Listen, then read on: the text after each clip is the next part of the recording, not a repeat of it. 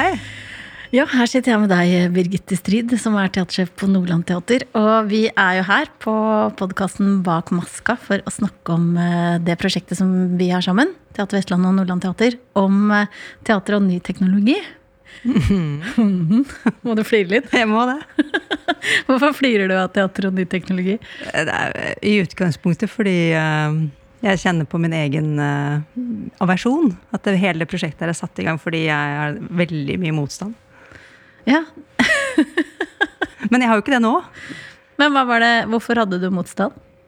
Fordi jeg er en sånn uh, gammel teaterrotte. Jeg er veldig glad i møte i samme rom med mennesker. og uh, ja. Så jeg har jo vært sånn å jeg har sånn VR og AR og sånn, hold, la dem holde på, disse gamerne. og ja. Cecilie er veldig kul. Hun holder på med barneteater oppe i Ålesund. Lager veldig spennende ting der. Innovativt. Det er bra at hun gjør det. Heia Cecilie, har jeg tenkt. Men når jeg ringte deg og spurte Hei, Birgitte, uh, vil du være med på prosjekt med teater og ny teknologi, så sa du ja med en gang. Ja, for jeg vil jo, jeg vil jo alltid utfordre motstanden min. Jeg må jo ta den bort. Jeg må jo jobbe med den. Ja. Men det var jo sånn det begynte for meg òg. At uh, jeg uh, blir nesten litt sånn jeg blir enormt stressa når vi snakker om teater og ny teknologi, for jeg tenker at eh, teater er det møtet mellom mennesker, og at ny teknologi kommer til å ødelegge det.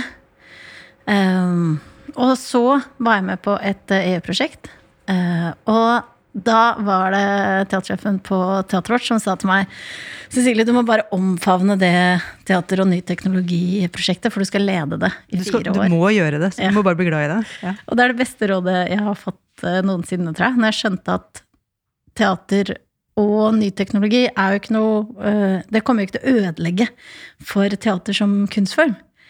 Men det kan gi noen verktøy som gjør at jeg kan skape de forestillingene jeg vil helt, uh, helt Det er helt sånn grenseløst, da. For da setter ikke Det er ingen verktøy som jeg ikke har, som kan sette stopper for hva som kan skapes. Ja, det, altså, det med, du forklarer så fint det med ny teknologi. At det var noe annet før. Altså, det er en historie. Ja, altså Det er mange som mener det at på Shakespeare sin tid så var stearinlysa akkurat så lange. For det var så lange stearinlys de klarte å lage på den tida. Og da måtte han skrive de så lange, for at når de kom på Slottet, så måtte de bytte stearinlys imellom aktene. Og derfor så skrev Shakespeare akkurat så lange akter som han skrev. Så, når lyskasteren kom, så revolusjonerte det vår kunstform. Ja, og det, det, var litt, Vi satt akkurat og snakka om det akkurat nå, jeg har jo ikke tenkt på det før. Det med at når skuespilleren får lyskastere i ansiktet og lukker Da, man, da ser man ikke publikum lenger. Og det korresponderer jo med når den fjerde veggen kom. Mm. Det er kjempespennende. Ja, for at på Shakespeare sin tid så sto det jo der og snakka med publikum og hei, hei, og det var jo ikke noe Det var jo bare naturlig lys. Og så plutselig så kunne de endre måten de spilte på, endre måten man fortalte historier på. Så det er kjempespennende. Altså, nå står vi overfor helt andre, andre grep. Ja, men det har vi alltid gjort, da. For det, altså, det har et eksempel til som jeg syns er utrolig fascinerende. Og det er når telefonen kom. Så begynte de med teatrofon. Altså det vi i dag ville kalt uh, telefonstreaming. Så da satte de opp på teater og på operascener, så kunne du ha sånn teaterabonnement. Og så kunne du eh, eh, ringe inn og lytte til de opplevelsene som var live. Men så kom radioen. Og da utkonkurrerte radioen telefonabonnementene, fordi at radioen var et mye bedre lyttemedium. Og det er jo en del av den motstanden som jeg har hatt òg. For når filmen kom, så skilte jo teater og film lag. Så ofte når jeg tenker teater og ny teknologi, så tenker jeg streaming. Og at teater bare skal være på en film. Og så skal vi bare sende det ut i, til elever i skolesekken, f.eks. Sende ut i filmen av teater. Men det å lage en norsk kortfilm, det koster kanskje vet ikke, Hvis du skal lage en skikkelig skikkelig bra kortfilm, så koster det kanskje fem millioner. da. Og det er jo eh, dobbelt så mye som et teaterprosjekt på en hovedsceneproduksjon. Eh, og hvis vi skal lage, snakke spillefilm, en B-film, en norsk B-film, har jo større, har jo større budsjett enn eh, ja. ja. Så det du sier at det, vi har for lite penger til å gjøre film bra i teatret?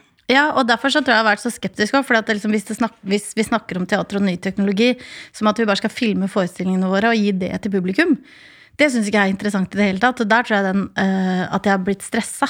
For på en film så kan du jo ikke kjenne på publikum i salen, skuespillerne.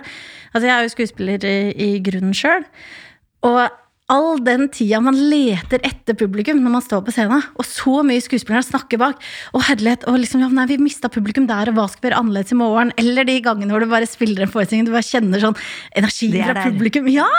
Eh, og det er jo helt, helt, helt fantastisk. Og så hvis du da har en film eh, av et teaterstykke som er lagd for at det skal være et møte mellom scene og sal, så er jo ikke det til stede der. Og da tenker jeg, men da er det jo ikke da er det ikke teater lenger. Ikke når det er live engang. Livefilm. Live-aspektet, hvis du livestreamer en forestilling. Jo, men hvis publikum opplever det, da, hvis vi hører med publikum, da opplevde du det som en teaterforestilling? Eller opplevde du det som film? Jeg vet i hvert fall at jeg kjenner forskjell hvis jeg ser en filma Altså teater tilrettelagt for film, filma som fjernsynsteater. Den formen enn hvis jeg ser en forestilling som pågår akkurat her og nå, som jeg sitter og ser, og det er så, så, mange andre som sitter og ser på samtidig som meg, og dette skjer nå, så føler jeg at det er mer teater. Det skjer mer i øyeblikket. Ting kan skje. Jeg har i hvert fall større spenning. Jeg syns det er gøyere enn hvis jeg ser noe som er filma. Og det må jeg ha respekt for. Men det jeg opplever Hvis du, du vet man eh, Hvis du er på hvis du har sittet i publikum, og så skal du se en komedie, f.eks., og så er det ingen i salen som har begynt å tørre å le ennå. Det er fryktelig. Og så plutselig så kommer den ene i salen som du bare hører som får sånn Jeg syns det var bare sånn hysterisk morsomt. Og så løsner hele salen. Og så bare fortsetter forestillingen liksom å bygge seg opp. Og når du sitter hjemme i stua di, da, og så hører du ikke de andre publikummerne, og så sitter du der, og da og ler for deg selv. Ja, eller ikke ler for deg selv, da, for du har jo ikke noe fellesskap å være sammen. Hvis ikke man kjøper gruppebillett. Man er fem som ser Fem- sammen. Ja, men da kan du jo like gjerne gå på teater.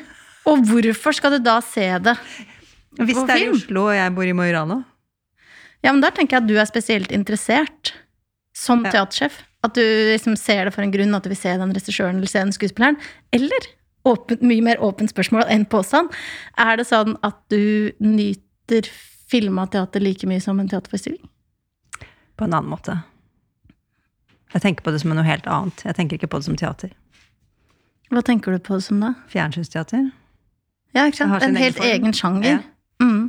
Ja, men det kan jeg kjøpe. Så lenge Det jeg kanskje er redd for med akkurat teater og streaming, da, som jeg ofte forbinder med teater og ny teknologi, er at folk skal se en film av teaterforestilling og tenke sånn Å ja, ja, det der er teater, ja. ja. Nei, men det veit du at jeg ikke er så interessert i.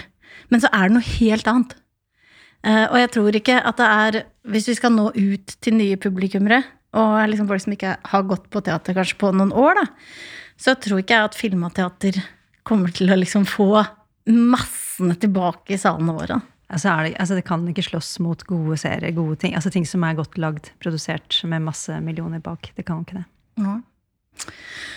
Men, eh, men eh, jeg syns at teater har veldig mye å hente fra ny teknologi som verktøy. På samme måte som lyskasteren. Eller på samme måte før radioen kom, og så hørte du på livestreaming på telefonen. sant? Men da er, det- litt interessant. Da er det narrativet som kommer først. Og så finner man eh, virkemidler som kan hjelpe narrativet til å komme dit man vil. Så man begynner ikke med en duppeditt, kanskje. Eller kanskje man kan bli inspirert av en duppeditt. Men, eh, men man har på en måte, det er noe man vil si, og så finner man de verktøyene man trenger. Og da er det jo Det er interessant. Ja, det syns jeg er kjempespennende. Og nå har jo vi Vi begynte jo dette eh, prosjektet vårt, begge to litt skeptiske til eh, ny teknologi. Og så sa vi to skeptikerne at eh, nå skal vi gjøre et prosjekt sammen i et år. Og vi har invitert med oss eh, fem eh, frilansere. To, to skuespillere, to regissører og en dramatiker og scenograf.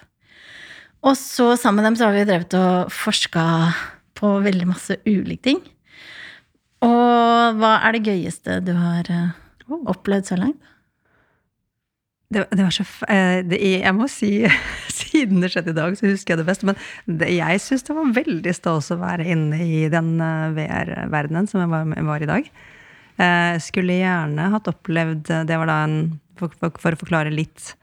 Vi, vi går inn i en verden som for ett år siden, to år siden, hadde også live skuespillere med, som var inne og spilte som avatarer.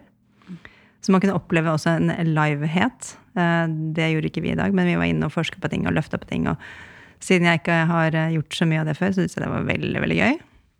Eh, og så husker jeg veldig godt det innlegget som Telenor hadde om 5G, og hvilke muligheter det kan gi på sikt. Det har jeg også syntes vært veldig sånn Oi, det, det, kommer til å gå veldig fort. Ting går fortere. Ting, ting er mye lettere. Det blir spennende å se hva det gir på sikt. Og du? Eh, jeg er jo en lydnerd. Så jeg syns kanskje noe av det morsomste som vi holder på med, er ulike former for uh, mulighetene som lyd gir til å skape nye teateropplevelser. Uh, som for eksempel så her om dagen, så hørte vi på Da hadde vi et uh, digitalt gjestespill, kan vi vel si. Mm. For da var et kompani i England som livesendte en forestilling til oss og, så, og den forestillingen, det, de heter Darkfield Radio. De burde alle sjekke ut, for de er veldig kule folk. Eh, og de hadde da lagd en opplevelse som du måtte lytte med høretelefoner, og så måtte du ligge i senga di. Og, og så var det en sånn skrekkforestilling, og da har de jobba med en lydteknologi som plasserer lyd i rom. Um, hvor uh, du kan høre på høyre side og på venstre side. Og som om noen setter seg ned på senga si, legger, seg på hodeputa ved siden av deg, hvisker inn i øret ditt. Og dette var en uh, vampyr, uh, vampyrhistorie. Uh, helt forferdelig, forferdelig skummel. Men det syns jeg var kjempegøy. Jeg syns det er litt gøy at det, det, du forteller om, om telefonene, mm. teatrofonen, at vi nå er tilbake til å høre på at hørespill er hot. Ja! Men det er jo helt fantastisk, for radioteater Jeg elsker jo også eh, radioteater, men helt siden jeg var egentlig i ungdomsåra, så har jeg tenkt mye på at det må jo være mulig å lage radioteater som høres ekte ut. Altså, Som ikke har den derre 'Å, eh, hva er det du har i hånden?' Det er en pistol! for at du må si sånne ting. For at du uh, skal se det for seg. Ja. Men så nå har vi fått uh, lydteknologi som er blitt så god at du kan fortelle de historiene på helt andre måter. Og det syns jeg er kjempespennende. Fordi at når du kan uh, lure øra, så begynner det å blande seg med fantasien din.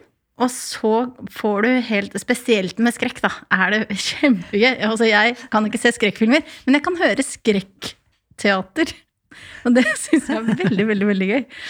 Uh, det, og det er noen av de mulighetene det gir, da. For det, um, jeg tror at det er veldig mange som sier sånn Å, jeg liker ikke teater. Men det er veldig få som sier 'jeg liker ikke film', eller 'jeg liker ikke musikk'. Da sier de 'jeg liker ikke skrekkfilm', eller 'jeg liker ikke eksperimentell jazz'. Er tydeligere på sjanger. Ja. ja. Men mange tror at teater bare er én ting. Så og det er jo eh, noe som jeg tenker at du og jeg som teatersjefer også bør tenke på, da, i forhold til Uh, hvordan er det vi ikke sant, en, Hvordan er det vi snakker om sjanger, hvordan vi snakker om form? Hvordan er en teaterforestilling ulik fra en annen? For hver regissør har jo gjerne sin formspråk, eller sin måte å gjøre ting på, som gjør at hver teaterforestilling er helt annerledes. Så selv om du ikke likte den forestillingen eller den måten teateret fortalte på, så er det kanskje noen helt andre opplevelser du kan ha, som gjør at neste gang du går, så, uh, så får du en helt ny opplevelse som du kanskje er mer sånn Å ja, det, sånn type teater liker jeg. Og, og, da er det, tror jeg, f.eks. med uh, ny teknologi, da, at folk av og til kan bli nysgjerrig på den teknologien og tenke sånn Oi! De blander VR og teater. Hva skjer da? Uh, og så har de kanskje lyst til å teste ut VR, eller man blir oppmerksom på at den at da er teatret noe helt annet. Å ja, det er en lydteateropplevelse. Hva er det? Da er det i hvert fall ikke sånn vanlig teater som jeg egentlig har tenkt at jeg syns er litt kjedelig. Men så har man kanskje ikke vært på teater på ti år, da. Så har det skjedd veldig mye. Mm. mm. Kjempemasse. Men det her skal vi, vi skal jo øh, ha et resultat til slutt også. Ja. Nå har Vi en sånn, vi forsker på en sånn bred vifte av mange spennende mennesker fra hele verden som er i, i Sydney i dag. Mm. Og New York etterpå. Så vi snakker med utrolig gøye folk. Eh, og så skal vi samle dette her til et eller annet. Eh, hva skal vi gjøre med det? Ja, Birgit, vi skal jo lage en forestilling sammen, da. ja, vi skal det. Det er blant annet det vi skal gjøre. En uh, kjempespennende forestilling som skal åpne Når vi åpner nye lokaler i sentrum for Førde, så skal vi samtidig ha premiere på en familieforestilling. som skal bruke en eller annen spennende ny teknologi. Som eh, vi ikke kan snakke noe mer Det kan vi ikke snakke om ennå. Nei. Som er veldig fristende Vi kan gi en liten teaser. Vi kan si det. Vi kan si så mye. Det kan vi. Det kan vi si. Men uh, i forhold til alle de spennende tinga som vi snakka om, da, så er jo det en veldig abstrakt ting eh, å bare si.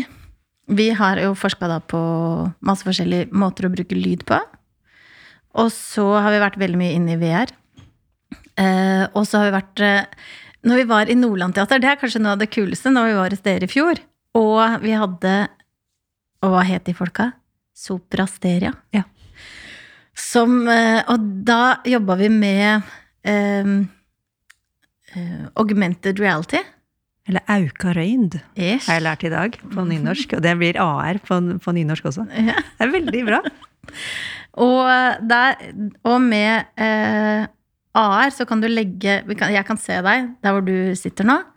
Og så kan begge vi to, når vi har på oss briller, se at det hopper en hvit kanin over eh, bordet.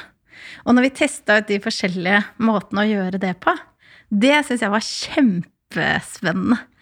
Eh, Det var veldig gøy. Man kan gjøre kaninen, eller hva enn, eh, objektet, større. Man kan gjøre det mindre. Man kan Ja. Ja, og det gjør, eh, jeg gjør noen helt nye måter å fortelle historier på, som jeg syns var kjempespennende. Da fikk jeg jo for første gang veldig lyst til å sette opp Albert Aaberg. For da kan man se Skybert. Eller barna, kanskje. Ja, for, Ja. ja. det er kjempekult! Tenk hvis ungene har på seg uh, de brillene. Så de kan se bestevennen til Albert, men de voksne kan ikke se det. Og så kan du jobbe med to lag, sånn at de voksne får liksom ett perspektiv, og så ungene et annet perspektiv. Det er jo kjempespennende. Og da tenkte jeg for flotte, uh, Albert Aaberg uh, fikk kjempelyst til å gjøre det. Og, og ikke minst effekter altså man kan legge på. Man kan eh, animere branner. Man kan Ja. Ja, du kan begynne med special effects på teatret, som virker helt ekte. Åh, det er veldig mye spennende muligheter, da. Og det er kanskje noe av det gøyeste å sitte igjen med når vi er ferdig med det året her. Så mye forskjellig verktøy som vi kan bruke på scenen på ulike måter. Og masse spennende mennesker som vi har fått samtale med, som vi kanskje kan samarbeide med. Mm. det å bare bli kjent med flere, og høre at det, hva som fins. Jeg er litt, eh, litt sånn satt ut av eh, For det er jo mange som har jobba med ting i mange år. eh, over hvor mye eh, forskjellig som fins eh, av opplevelser. Mm. Eh, de kanadiske, de husker ikke jeg hva het. De, den første dagen. Den første dagen Alle i Nordland. Eh, husker du de? som lagde Ja, det er en sånn opplevelsebasert Nei. Nei, men det er blant annet de, eh, som jeg ikke husker navnet på. At det finnes, altså Man kan delta live og se eh, sammen med andre ting som skjer live, men man er på forskjellige steder i verden. Det finnes så mange typer grupper, da, særlig også, også pga. korona. At det også satte i gang, eller covid. da. Eh, at flere vil delta, fordi man kan ikke reise, man kan gå ut og se. Og så har det på en måte også det vært med på å eskalere eh, det som skjer. Altså det digitale. Ja, og de opplevelsene som ikke bare er en film. Det har jeg syntes vært veldig spennende. Ja. Eh, Det er kanskje min favoritt-covid-opplevelse. Og det er jo tilbake til eh, den det teaterabonnementet. eh, Som jo kanskje ikke egentlig er ny teknologi, men jeg snakker om det likevel, for det er en av mine favorittopplevelser. Da ble jeg jo ringt opp eh, eh, hver kveld klokka sju. Jeg hadde valgt tidspunkt sjøl. Og så ringte de meg i sju dager. Og så var det en teaterforestilling som liksom varte i ti minutter men hver kveld. Liksom. Så etter de sju dagene så hadde jeg blitt fortalt en hel historie. Og hver kveld når jeg la på, det var midt i covid-pandemien, og hver kveld når jeg la på, så ble jeg så innmari glad. Og så var det sju forskjellige skuespillere som ringte meg i løpet av den uka. Men så kunne de ringe 15 stykker på en kveld. Så det betyr at i løpet av en uke så hadde de jo bare eh, vært i kontakt med over eh, 100 mennesker, tror jeg, som de skulle holde historien i live for, da, for de var inn og, ut. Og det er individuelle historier. Ja, som de lagde eh, Lagde Fordi at jeg hadde sendt inn et sånt mysterium som var eh, the, eh, saken om de mistede nøklene. For det må du definere selv. Ja, så jeg måtte si at nøklene mine var borte. Et mysterium som de måtte løse. Og så lagde de da den historien og løste hvor nøklene mine var. Og det som magisk skjedde, to dager senere, fant jeg igjen jobbnøkkelen min. Jeg hadde ikke turt å si til noen på jobben at den var borte. Eh, Men så fant jeg den igjen, så jeg følte faktisk at de løste det sånn. Kanskje det er noen ny teknologi der likevel. Men det er i hvert fall en ny måte å bruke eh, teknologi vi har på. Mm. Det, Og det er jo det med, eh, som jeg syns alle burde sjekke ut. da. Den, eh, det er Piehold, Piehold og The Tender Clause som har lagd eh, The Underpresents, som du snakka om i stad. Hvor man går inn i den eh, VR-verdenen. Man kan spille den fortsatt i dag. Og der er det Nå er det jo ikke live lenger, men det vil fortsatt oppleve det som live. At eh, du skal inn i en sånn båt eh, og prøve å hjelpe eh, ti mennesker på en båt som, har, som sitter fast i tiden. Eh, også en innmari, innmari fin opplevelse. og der kan man gå inn sammen. Der kan man gå inn sammen, ja. Og det hadde vært kjempegøy å gjøre det når det var live skuespillere inni den verden også. Men jeg tror det kommer innmari mange flere sånne eh, opplevelser hvor du har live skuespillere i VR. Og det er kjempespennende. Det skal jeg bare holde alle orientert om når man kan eh, oppleve det neste gang, for det tror jeg faktisk er kjempespennende. Ja, det tenker jeg de Oculus-brillene som vi uh, bruker nå. eh, at vi fant ut at det var selskapet Oculus som har bestilt opplevelsen. Så hvis det genererer mer salg, så kanskje de kommer til å lage flere opplevelser. Mm. Det, Ja, det er kjempespennende. Men vi skal ikke bare bruke det i en forestilling heller, fordi vi ser jo også på hvordan vi kan bruke det i drift. Eh, på i, i Når vi eh, jobber sånn til hverdags i andre avdelinger enn å, i prøvetida på en forestilling. Da. ja, for der, der har vi et prosjekt som vi kanskje får til nå. At vi har laget et kart, et virtuelt kart, eh, over teateret Mm. her. Eh, og da kan vi gå inn og se en scenografi inne i det rommet. Eh, og det eh, Hva skal vi forklare det, da? For, for vanligvis så pleier vi å få eh, reist opp scenografer. Og vi frakter både scenograf, regissør, et team opp for å vise oss disse modellene i en liten boks. Um, Ja, hvordan scenografien skal se ut når den blir ferdig. Når den blir ferdig før den kommer, mange måneder før den skal lages. Eh, og det kan man nå kanskje, hvis man investerer da i VR-briller og får laget dette, så eh, får laget scenografier i et program som fungerer i VR, så kan man da gå rundt og, og se og snakke med scenograf som kanskje ikke er til stede eh, fysisk. Og allikevel vil man få en god opplevelse av hvordan det her kommer til å fungere. Det er jo kanskje bærekraftig på sikt. Absolutt mye mer miljøvennlig. Men også det at eh, vi som jobber mye med teater, da, at vi opplever det her. Du er jo regissør sjøl, du, Birgitte. At de sier sånn Å, de veggene skal være fire meter høye. Og så lager snekkerne våre de fire meter høye veggene. Bygger ferdig. Ja. Fire meter. Og så kommer skuespillerne, alle skal, vi skal begynne å prøve. Og så ser regissøren opp på den veggen, så sier han sånn Nei, det hadde holdt med to meter. Og da er den jo ferdigbygd. Men hvis du har lagd scenografien i VR, og regissøren kan gå inn og se den på scenen før vi har starta, ja, og så kan han kanskje se at liksom ah, Nei, fire meter er for høyt. Og så kan du bare skalere den ned. Med dronen ned. Ja, mens du er der, så sier han er dette nok? Og så bare ja, ok, 2,70. Ja. Eh, Så det er et fantastisk verktøy. Det hadde vært veldig veldig bra om det fungerte. Ja. Og det skal vi teste ut. Og så kan, altså jeg tenker Om det fungerer nå, det vil fungere eh, om så noen år. Altså, det er det, og det fungerer kanskje andre steder. Altså, men vi har ikke fått det til å Vi prøver å få det til å fungere nå. Ja, at det, det første gang vi eh, lagde en forestilling i VR, så kosta jo hver VR-brille 30 000. Og nå koster de fem. Ja. Og da hadde vi Vi skulle eh, da kjøpe inn seks VR-briller til en forestilling. Og det hadde jo ikke vi råd til, så da måtte vi samarbeide med et sånt VR-selskap som kunne låne oss de brillene, for de var så innmari dyre. Og da kosta det, det kostet mer å kjøpe de eh, brillene enn det kosta å lage en ti ganger ti meter labyrint i to etasjer som publikum kunne gå gjennom på tre veier. Hvor mange år er det siden? Det var i 2016. Ja, ikke sant? Ja. Og nå så kan vi kjøpe fem briller for 30 000. Mm. Og det sier jo noe om hvor raskt teknologien har blitt allemannseie.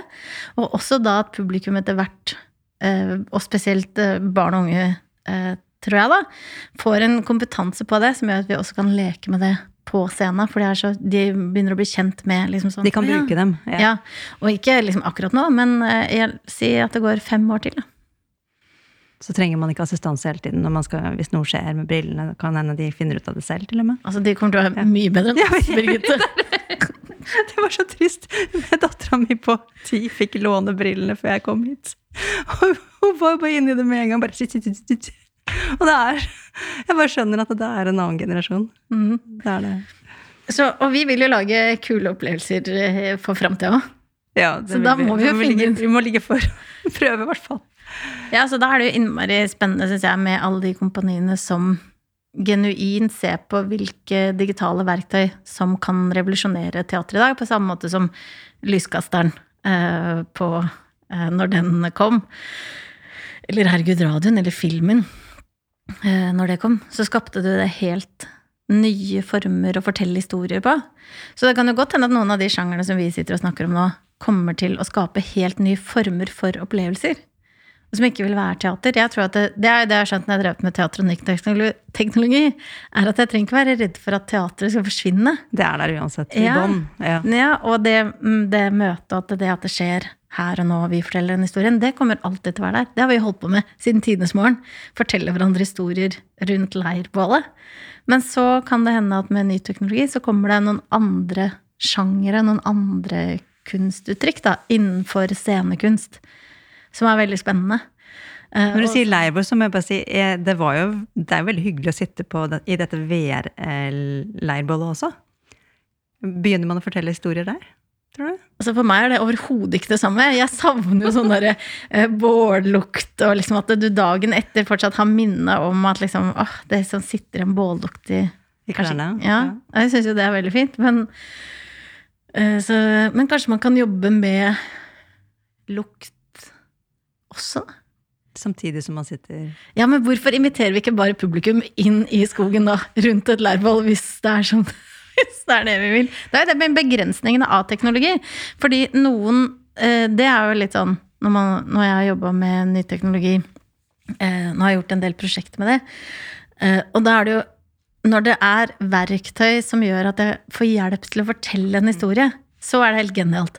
Men hvis ta Hvis jeg har lyst til at vi skal fortelle historier rundt et leirbål, og så skal jeg bruke Altså, å lage noe i VR, det tar et år.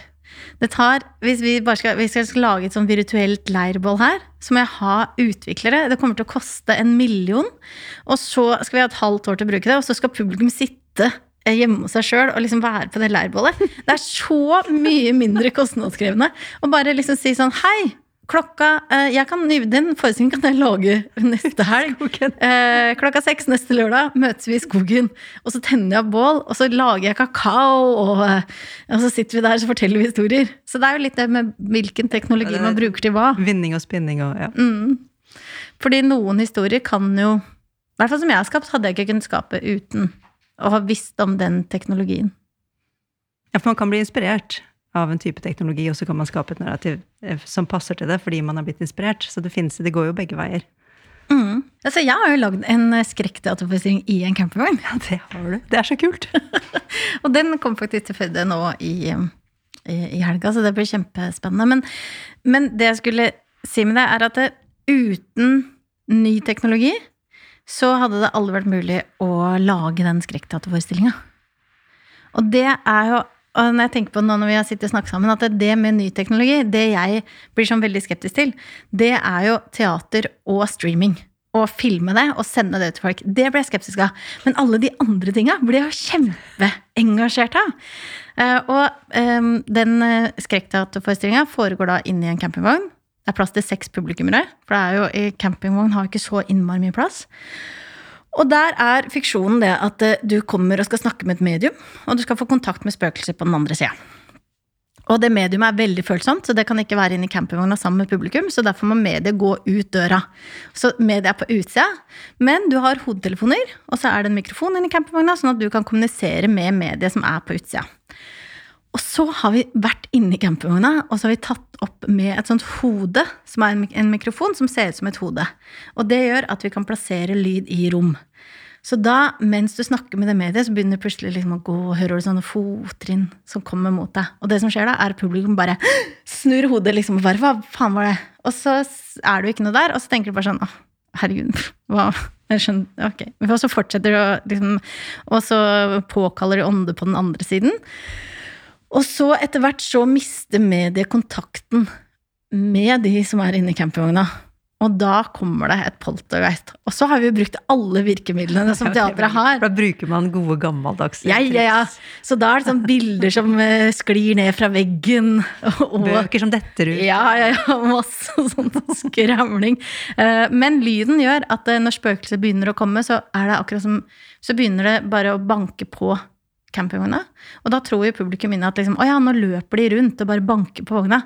Men så begynner det å gå opp på campingvogna. Og så plutselig så høres det ut som det er sånn gigantisk vesen som står og hopper opp på campingvogna på sånn utenomjordisk lyd som har dritskummel. Og så kom, åpner døra seg, så du hører at døra åpner seg. Snur deg. Der er det ingenting. Og det er så fantastisk med lyd, for den lydteknologien er akkurat som vi hører lyd i virkeligheten. Og når vi var eh, i steinalderen, så er det sånn Å ja, ulven Ulven hyler i skogen der borte, da må jeg løpe motsatt vei. Så vi er kjempegode på å plassere lyd i rom. Og uten den teknologien så hadde jeg aldri kunnet lage den Ja, for da- skrekkteaterforestillinga. Høres det bare ut som vi hører det i eh, øreklokkene? Mens den lyden her, den høres da ut som den er utafor. Ja, Ja. og det er det som er så fantastisk. Um, og det er jo det med veldig mye sånne Jeg egentlig begynne å tenke på det. Jeg har lagd veldig mye forestillinger som ikke hadde vært mulig å lage på den måten hvis ikke den teknologien hadde vært til stede. Ja, Så da kan man bli inspirert. Det er, det er ikke alltid narrativet som begynner, Man begynner ikke alltid med narrativ. Man kan bli inspirert av noe, og så lage et narrativ også. Ja, og så tror jeg det at det, for eksempel eh, Jeg lagde en sånn eh, en action-thriller. Og den forestillingen, jeg tenker tilbake nå, så den het eh, Traitor, og det var en, egentlig en thriller. For hva er action? sant? Action er eksplosjoner, branner. Og så var dette hvor publikum løp rundt sammen med skuespillerne og ble jakta på av eh, spioner og Eh, og sånn, så da, hvis, du har, hvis du har en eksplosjon da, så må du på en måte bevise det etterpå, for publikum er i vår Fiksjonen er at det, liksom, det er- skjer her i. Førde nå. Sånn at vi kan ikke bare fyre av det. Men for eksempel sånn som du snakker om sånn hologramteknologi. Ja. Hvis du da kan ha en hologramslåsskamp, eh, og så eh, lager du det på en sånn måte som gjør at du plutselig kan blande i sånn Matrix-lag, hvor folk ligger og svever i lufta, og det ser helt sånn rått ut, så blir jo det en blanding av fantasi og virkelighet. For du står jo der og ser på det, og de hologrammene har blitt så ekte at det bare er sånn du tror det er en person som står der og snakker til deg. Så kan man jo lage noen helt sykt kule actionsekvenser som jo eh, gjør at publikum blir helt sånn Hva er det som skjer? Det blir bare enda gøyere spesialeffekter, da. Som ikke gjør at man forteller med Vi ville kanskje fortalt på en annen måte uten hologram, men hologrammene gjør kanskje at man kan gjøre det enda mer spennende, da. Ja, for det, det som er synd, er at man kan ikke klippe i mennesker. Nei. Eh, Altså, eh, Scenekamp, det blir, da må du se hele kampen. Mm. Men eh, nå vet jo du innmari mye mer om hologrammer enn meg. Eh, fordi at Ja, jeg vet at det er fortsatt noen begrensninger. Vi skal jo filme, vi holder på med et prosjekt hvor vi skal gjøre en testfilming nå i juni. Eh, Og da har vi fått en liste fra det selskapet som filmer. At da, det er, du får bevege deg, skuespilleren får bevege seg innen to ganger to meter. De må ha sakte bevegelser. Eh, Hvis ikke så ser du green screenen. Eh, Det, altså det blir sånne rester. Du kan ikke ha skinnende objekter, skal helst ha lyse klær. Så det er, det er fortsatt litt eh, Men det her går veldig fort. ja. Så drømmene dine kan bli oppfylt om noen år, det er jeg helt sikker på. Men om noen år, da. Ja, det er veldig skuffende. At det ikke kan skje noe. Men, uh, ja. Men vi, det var jo det med han eh, fra Telenor som snakka om 5G. Som jeg ble jo kjempeoverraska over med det der med at du kan som sikkert alle veit nå, da, men jeg ble veldig veldig overraska over det. At 5G vil gjøre at man kan fjernoperere hjertepasienter og gjøre hjernekirurgi på avstand. At det ikke er delay. Eller Ja. delayen er så liten. Ja. Og hvilke muligheter man da har med teater når det rulles ut. Og så her om dagen så hørte jeg om 6G og 7G som de liksom forsker på nå. Og da vil jo noen av de verktøyene for teater bli helt sånn helt rått. Men det, det, det som er så synd, da. Han eh, leder for den forskningsavdelingen på Telenor. Han har jo en hel mengde med mennesker under seg. Mens vi, vi eh, som forsker med, i teater med ny teknologi, vi har ikke så mange, vi har ikke de ressursene. Nei. Vi må hekte oss på, på andre. Men det syns jeg har vært innmari spennende med dette prosjektet. Fordi det har gjort at vi har lett etter veldig masse nye verktøy. Hva er det som fins? Og i verden i dag så er det jo folk som har via hele livet sitt til å f.eks. bare lage teater i VR. Eller bare lage teater med, med 360 eller med lyd. Som man kan bli inspirert av. da. De har gjort veldig mange av de feila som vi ville gjort hvis vi hadde begynt nå. Ja. Så de kan det. Ja. Så vi kan låne deres og leie deres kompetanse. Mhm. Ja. Og samarbeide med dem. Og det er jo helt, helt, helt fantastisk. Så det føles jo som innmari luksus å få lov til å dykke ned i teater og ny teknologi sammen med veldig spennende mennesker. Og også komme over den derre å skjønne hva den skepsisen ligger i, da, for min egen del. At det handler ikke om at de verktøyene, for de verktøyene er fantastisk frigjørende. Og veldig mye mer brukervennlige eh, jo mer som eh, tiden går. Altså, ja. Som de VR-brillene dere brukte den gangen. De VR-brillene vi bruker nå, er jo sikkert veldig mye mer intuitive allerede. Mm. Jeg vet ikke, Du har jo prøvd begge deler. Ja. Eh, nei, det har blitt veldig mye enklere. Og det føler jeg egentlig med all sånn teknologi. Og så heldigvis, da, Birgitte, det er jo ikke du og jeg som skal liksom programmere det i VR. Men det å vite at man har muligheten til å si jeg vil at denne verden skal skapes for publikum på denne måten, og kunne disse tingene, og invitere publikum inn i disse annerledesopplevelsene, det føles som en sånn enorm luksus. De mulighetene som det gir. Ja, en gave. Mhm. Åh, nå gleder jeg meg veldig til 2023. vi, skal, vi skal finne ut litt mer før vi begynner på det prosjektet. Ja, det skal det. Men øh, kanskje vi eh, skal eh, avslutte her, for nå får jeg bare lyst til å snakke om det vi skal gjøre Ja, det kan vi ikke. vi nå. Det er jo ikke lov. Nei. Nei. Mm. Men det var veldig, veldig fint å snakke med deg. Ja, takk det samme. Alltid en glede.